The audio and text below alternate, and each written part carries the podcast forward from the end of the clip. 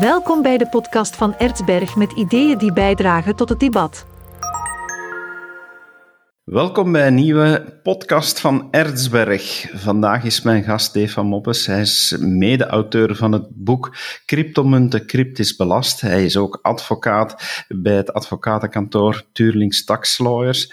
En we gaan hier meteen van profiteren, meneer Van Moppes, om een gratis consult in de wacht te slepen. Ik heb een tijdje geleden in cryptomunten belast. Ik heb daar gelukkig nog wat winst mee gemaakt. Zit ik nu fiscaal in de problemen? Goh, in de problemen, dat is natuurlijk uh, niet noodzakelijk nodig. Hè. Dat hangt een beetje van een aantal factoren af. Uh, met name uw, uh, uw activiteiten uh, met betrekking tot die cryptoactiva. Op welke wijze heeft u daar eigenlijk in belegd? heeft u dat zeer actief gedaan?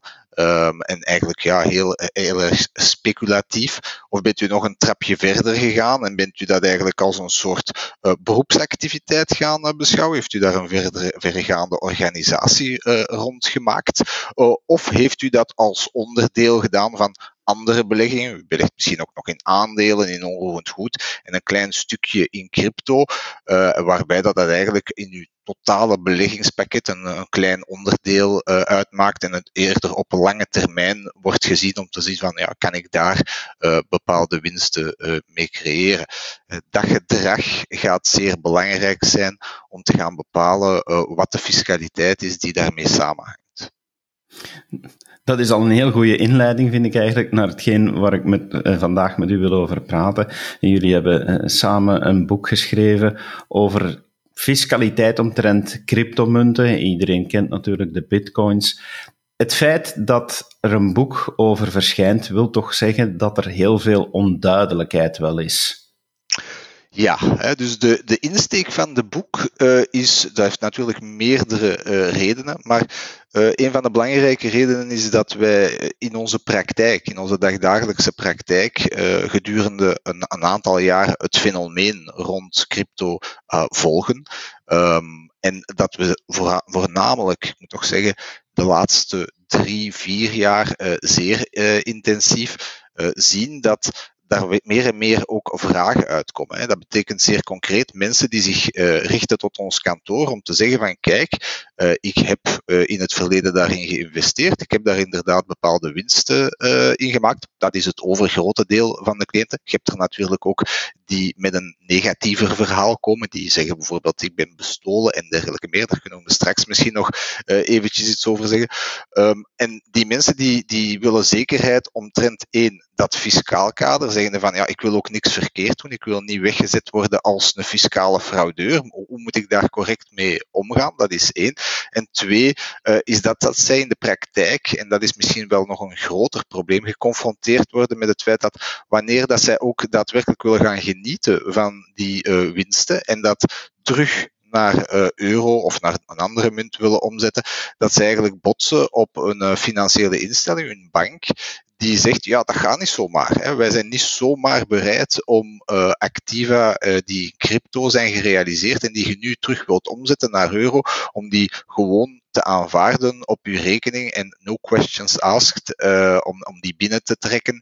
Uh, niet goed wetende wat de oorsprong is van de gelden die u heeft gebruikt om daarin te investeren, hoe dat u dat fiscaal heeft uh, behandeld. En het zijn die vragen die ons eigenlijk hebben ertoe geleid om enerzijds voor de markt daar wat duidelijkheid in te brengen en op een, laat maar zeggen, laagdrempelige manier, want fiscaliteit en bankcompliance is natuurlijk een vrij droge en technische materie, maar daar hebben we proberen ik hoop dat we daarin geslaagd zijn, dat in vrij eenvoudige bewoordingen uit te leggen wat daar de belangrijke principes zijn. De, de boek is geen handleiding van A tot Z van hoe is dit nu altijd, maar geeft wat dieptezicht uh, daarin. Dat is een belangrijk uh, element. En twee, uh, ik denk ook dat ik um, echt heb geprobeerd met het boek een soort awareness te creëren omdat ik zie dat uh, zeker in België, in vergelijking met andere uh, niet-Europese of Europese landen, dat we met betrekking tot uh, dat bankcompliance luik en dus de, de wisselwerking tussen de financiële wereld en de crypto-wereld, dat dat zeer moeilijk zit in België in, heel concreet gezegd, er zijn weinig banken die u welkom heten wanneer dat je met je crypto-winsten terug wilt uh, keren. En dat ik dat debat wil op gang brengen. Ik zie dat in andere landen dat dat wel lukt. En dat dat in België toch met de nodige weerstand gaat, dat dat zeer moeilijk is. Er zit enige progressie in, maar het gaat nog altijd zeer moeilijk. En ik wil dat debat aanwakkeren, omdat ik denk dat dat toch onvermijdelijk is dat we op een bepaald moment daar, daar duidelijkheid in moeten gaan krijgen. Waarom is dat zo moeilijk bij de banken? Beschouwen zij crypto nog altijd iets als, eh, ja, de kans is groot dat dit zwart geld is, de kans is groot dat dit uit een misdadige activiteit komt. Eh, is crypto voor de banken nog ja, uh, zo ongrijpbaar of onbegrijpbaar dat zij zich ervan afkeren? Um, ik denk dat er meerdere redenen zijn hè, waarom dat de banken niet happig zijn om daar zomaar in mee te stappen. Um, een heel belangrijke uh, reden is dat alles wat te maken heeft met compliance en zeker wat we dan noemen anti-witwas compliance. En de anti-witwaswetgeving is eigenlijk een wetgeving die ertoe strekt dat witwassen van geld kan worden voorkomen en dat dat kan worden opgespoord. En dat legt aan een aantal financiële en niet-financiële beroepen verplichtingen op met betrekking tot het screenen van uw cliënt, weten wie uw cliënt is, weten waar zijn fondsen vandaan komen, um, uh, hoe uh, zijn die fondsen belast geweest. Dat zijn verplichtingen die op de banken rusten. Nu, de kost die dat met zich meebrengt voor de banken, die stijgt jaar na jaar. Dat is natuurlijk niet de schuld van crypto. Dat heeft ook te maken met, met, uh, met de gewone uh, beleggingen, met gelden die internationaal uh, rondgaan en dergelijke meer. Maar dat is een niet te onderschatten investeringskost voor de banken. Um, en wat we daarbij zien is dat uh, het crypto gebeuren natuurlijk een soort extra laag gaat uh, toevoegen aan die compliance.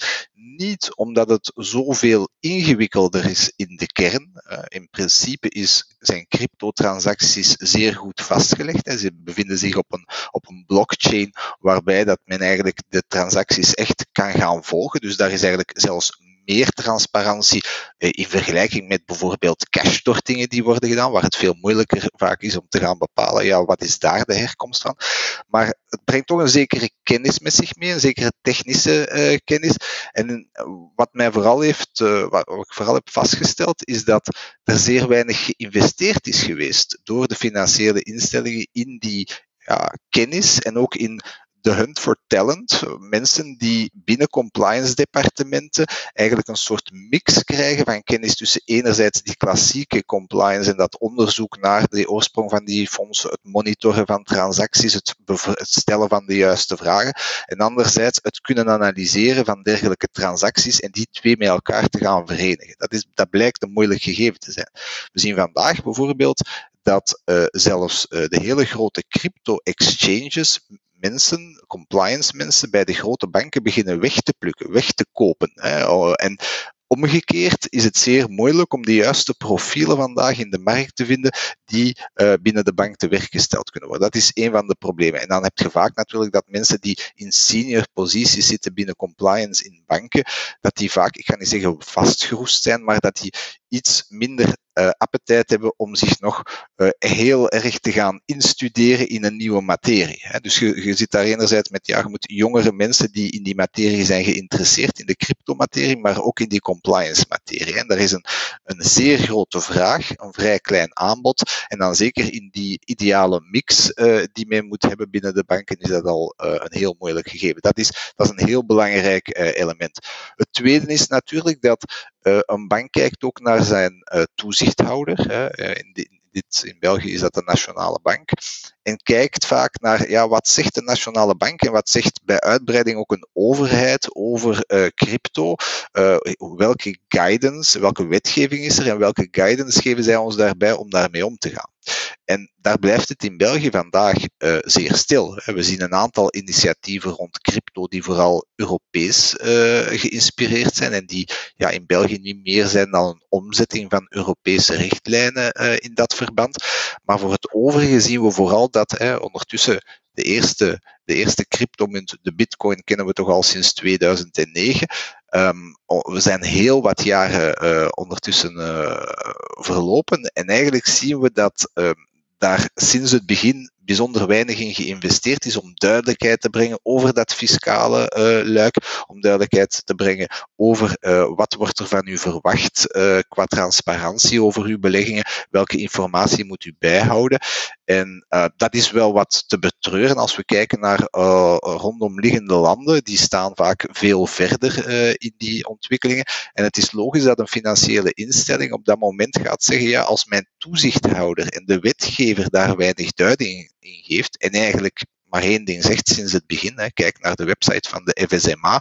FSMA zegt, ja, pas op met die uh, crypto-beleggingen, dat is gevaarlijk. Je kunt al je geld uh, vanuit een soort consumentenbescherming gedachte. Maar veel verder dan dat uh, zijn we niet geraakt. We herhalen die boodschap sindsdien, herhalen we die heel vaak vanuit een overheidstoezicht. maar er wordt weinig echt concreet ingegaan om het gegeven te gaan aanvaarden en het ook verder te gaan uitwikkelen, zodat dat er eigenlijk geen ongelukken in de toekomst zouden eh, gebeuren. En dat is een beetje wat dat ik op ons af zie komen in enkele jaren, dus dat we gaan zeggen, ja, al die mensen die daar zijn ingestapt en die in die wereld van onzekerheid uh, leven, ja, dat vinden we nu fiscale fraudeurs bijvoorbeeld, want ze hebben dat niet juist aangegeven enzovoort. Terwijl dat die mensen dan toch terecht binnen x aantal jaar zullen zeggen, ja, maar op het moment, en dat is altijd uh, een beetje met, met de bril van vandaag kijken naar iets van vroeger, als we dat binnen een aantal jaar doen en we zeggen, goh, hè, de stouterikken hebben dat niet aangegeven enzovoort, um, ja, dan moeten we ons dus de vraag stellen, waar was de overheid op dat moment? Hè? Waar was het fiscaal kader? Waar was de duiding van de overheid? En daar moet ik toch uh, vaststellen dat men echt in gebreken blijft. En dat, uh, ja, dat ik voel dat dat op een bepaald moment gaat clashen en dat we dan weer naar een soort reactieve oplossing moeten gaan. In de, in de vorm van bijvoorbeeld een fiscale regularisatie, om al diegenen die dat in het verleden niet correct hebben gedaan, om die dan terug mee op de trein te krijgen. En dat zijn ja, dat, dat zijn eigenlijk betreurenswaardige gebeurtenissen. Uh, dat zou niet, niet mogen, mijn inzien. Deze podcast wordt mogelijk gemaakt dankzij Erzberg. Krijg 10% korting op het boek Cryptomunten Cryptisch Belast met de kortingscode podcast10crypto. Surf naar erzberg.be en gebruik de code podcast10crypto. Dat is podcast10crypto en krijg 10% korting. Als het al bij de banken zo moeilijk is, dan kunnen we ons inderdaad, zoals u zelf zegt nu, eh, voorstellen dat de overheid ook achterop loopt. En dan zeker het fiscale. Eh, op dit moment denk ik dat, uh, als ik dan toch ook uw boek lees, dat we voornamelijk moeten terugvallen op algemene beginselen en dat er heel weinig zeer specifieke richtlijnen bestaan omtrent het cryptogegeven in de fiscaliteit dan. Dat is helemaal correct. Um, het is zo dat er geen, er is geen specifieke cryptotax. Hè. Dat, dat zou een manier zijn om mee te werken, om te zeggen, ja kijk, dat soort eh, belegging, dat wordt op die manier belast. Dat heeft men niet. Maar je hebt natuurlijk de algemene fiscale regels. En die bepalen uh, in ons land, je hebt verschillende soorten inkomsten. Je hebt beroepsinkomsten, je hebt onroerende inkomsten, je hebt roerende inkomsten en je hebt diverse inkomsten. En dan heb je natuurlijk sommige zaken die vrijgesteld zijn. En dat is een, dat is een bestaand kader. En daar moeten we een crypto-gegeven dat modern is, dat dynamisch is, dat vol, dat, uh, vol in ontwikkeling is hè, en, en telkens nieuwe features krijgt en dergelijke meer, dan moeten we daar eigenlijk gaan in beginnen inpassen. Goed wetende dat dat kader niet ideaal is om dat type product te gaan incorporeren. En dat maakt het op zich al moeilijk om de interpretatie van die normale fiscale regels te gaan toepassen in de praktijk op die crypto. En dan krijg je natuurlijk discussies over concepten zoals bijvoorbeeld wat is het normaal beheer van uh, cryptoactiva en in welke mate kunnen we dat vergelijken met het normaal beheer van bijvoorbeeld een aandelenportefeuille. En dat zijn uh, zaken die, ja, je kunt daar, we proberen daar duiding in te krijgen, maar dat blijft een moeilijk gegeven. Een heel concreet voorbeeld, als we bijvoorbeeld kijken naar Duitsland. Duitsland heeft op een bepaald moment gezegd, ja, we gaan daar helderheid in scheppen. We gaan bijvoorbeeld zeggen dat wanneer u cryptoactiva koopt en u houdt die gedurende een jaar aan en u gaat die dan op een bepaald moment gaan verkopen, ja, dat is een soort houdbaarheidsperiode waarvan wij gaan aannemen dat als u dat in die periode uh, aanhoudt, dat u dat doet als een soort normaal beheer en dat leidt dan niet tot belastingheffing.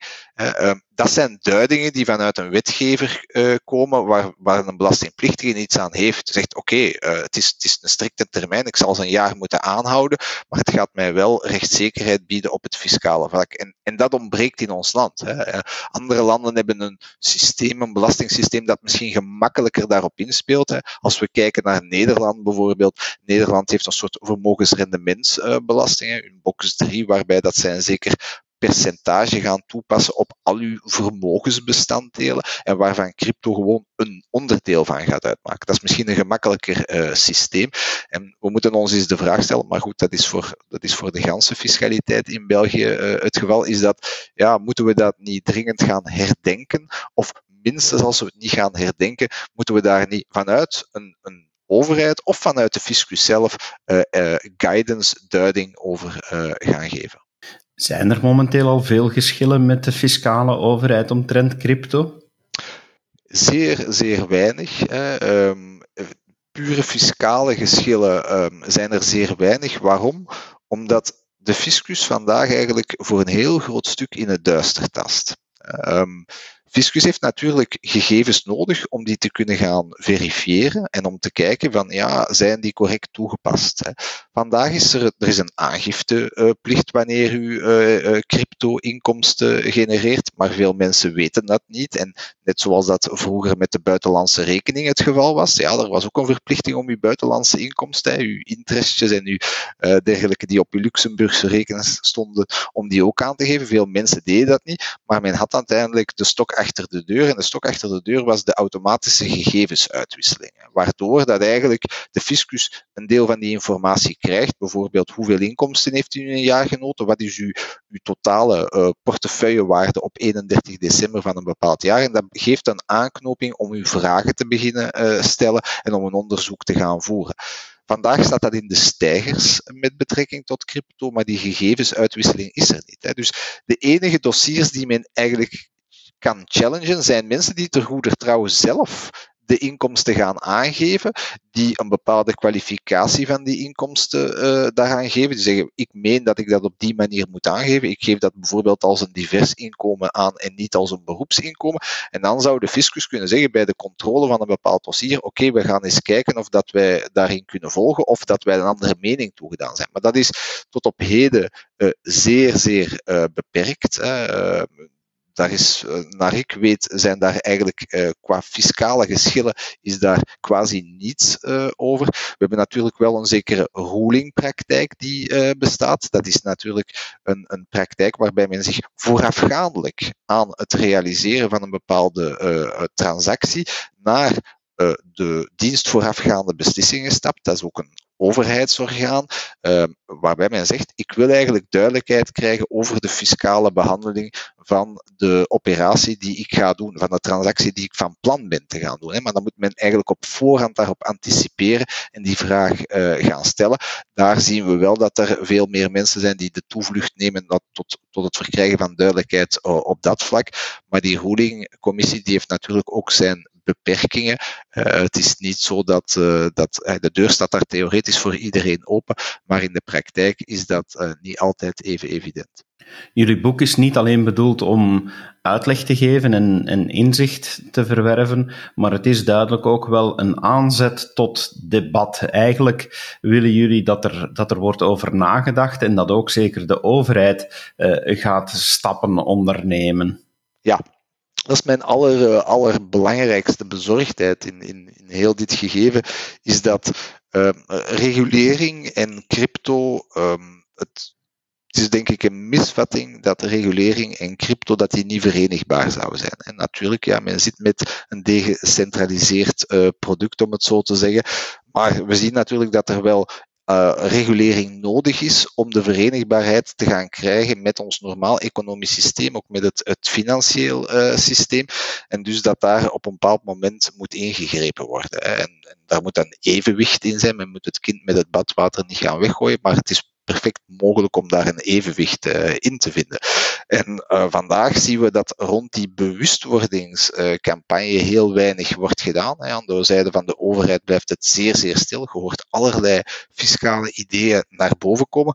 Maar ik heb in de laatste twee jaar eigenlijk geen idee gehoord over ja, hoe moeten we bijvoorbeeld met crypto gaan omgaan, terwijl dat het toch een belangrijker, uh, meer, een belangrijker gegeven wordt uh, over de jaren, dat er ook meer, steeds meer mensen in geïnteresseerd zijn. In het begin enkele, laten we zeggen, de geeks die daar uh, mee mee waren en enkele durvers die in zo'n product zijn gestapt, zien we vandaag dat er toch uh, in de laatste uh, bevraging die ik heb gezien in een, in een krant, waar er kwam men eigenlijk uit op bijna derde uh, of 20 à 30 procent van de mensen die daarin zou uh, investeren. Ook in Nederland heeft men vastgesteld dat er toch een zeer groot percentage van de bevolking daar al investeert. Ik heb zelfs soms de indruk dat die cijfers misschien zelfs onderschat zijn. Ik denk ook dat er een zeer belangrijk gegeven is dat de jeugd uh, daar veel meer interesse in heeft om een anekdote te geven, als wij een opleiding geven uh, in een uh, aula vol met studenten en wij stellen daar de vraag, ja, wie is daar bezig met crypto of wie heeft er in crypto geïnvesteerd of wie heeft er bijvoorbeeld een crypto uh, debitkaart, om maar iets te zeggen, dat daar een heel groot percentage is van die jongeren die, die dat hebben. En ik ik heb de indruk soms dat de, de overheid een beetje die, die connectie kwijt is en eigenlijk niet zo goed beseft hoe ver dat, dat al verweven zit in, in de dagdagelijkse dingen. En en nou, hoe langer dat zo'n wetgevend kader, en zeker op het vlak van de fiscaliteit en zeker op het vlak van de, de repatriëring vanuit crypto naar euro's, dat dat uitblijft, ja, hoe groter het accident zal zijn, mijn inzicht in de toekomst, dat we kunnen gaan, gaan krijgen. En vandaar dat dat een warme oproep is. En ik ben altijd bereid om over alle mogelijke ideeën te, te praten over hoe men dat wilt gaan belasten en hoeveel dat, dat moet kosten. Dat, dat kan alle richtingen uitgaan. Daar gaat het mij zozeer niet om. Het gaat mij wel om dat het eindelijk start, uh, de discussie. Hè, en uh, dat we niet zo in een soort uh, ja, onzekerheid blijven zitten waarbij dat niemand echt heel goed weet hoe dat ervoor in elkaar. Meneer Van Moppes, dank u wel dat u de tijd hebt genomen om dat even toe te lichten. Beste luisteraar, wanneer u meer wil weten, kan ik u zeker aanbevelen om het boek te lezen Cryptomunten Cryptisch Belast. Ik geef zeker mee dat, hoewel in de titel het woord cryptisch staat, de taal helemaal niet cryptisch is. Het is heel duidelijk, het is zeker geen boek voor specialisten alleen, dus echt wel de moeite waard om even erbij te nemen wanneer u met cryptomunten bezig bent en u met vragen zit over de fiscaliteit. Bedankt om te luisteren en heel graag tot een volgende keer.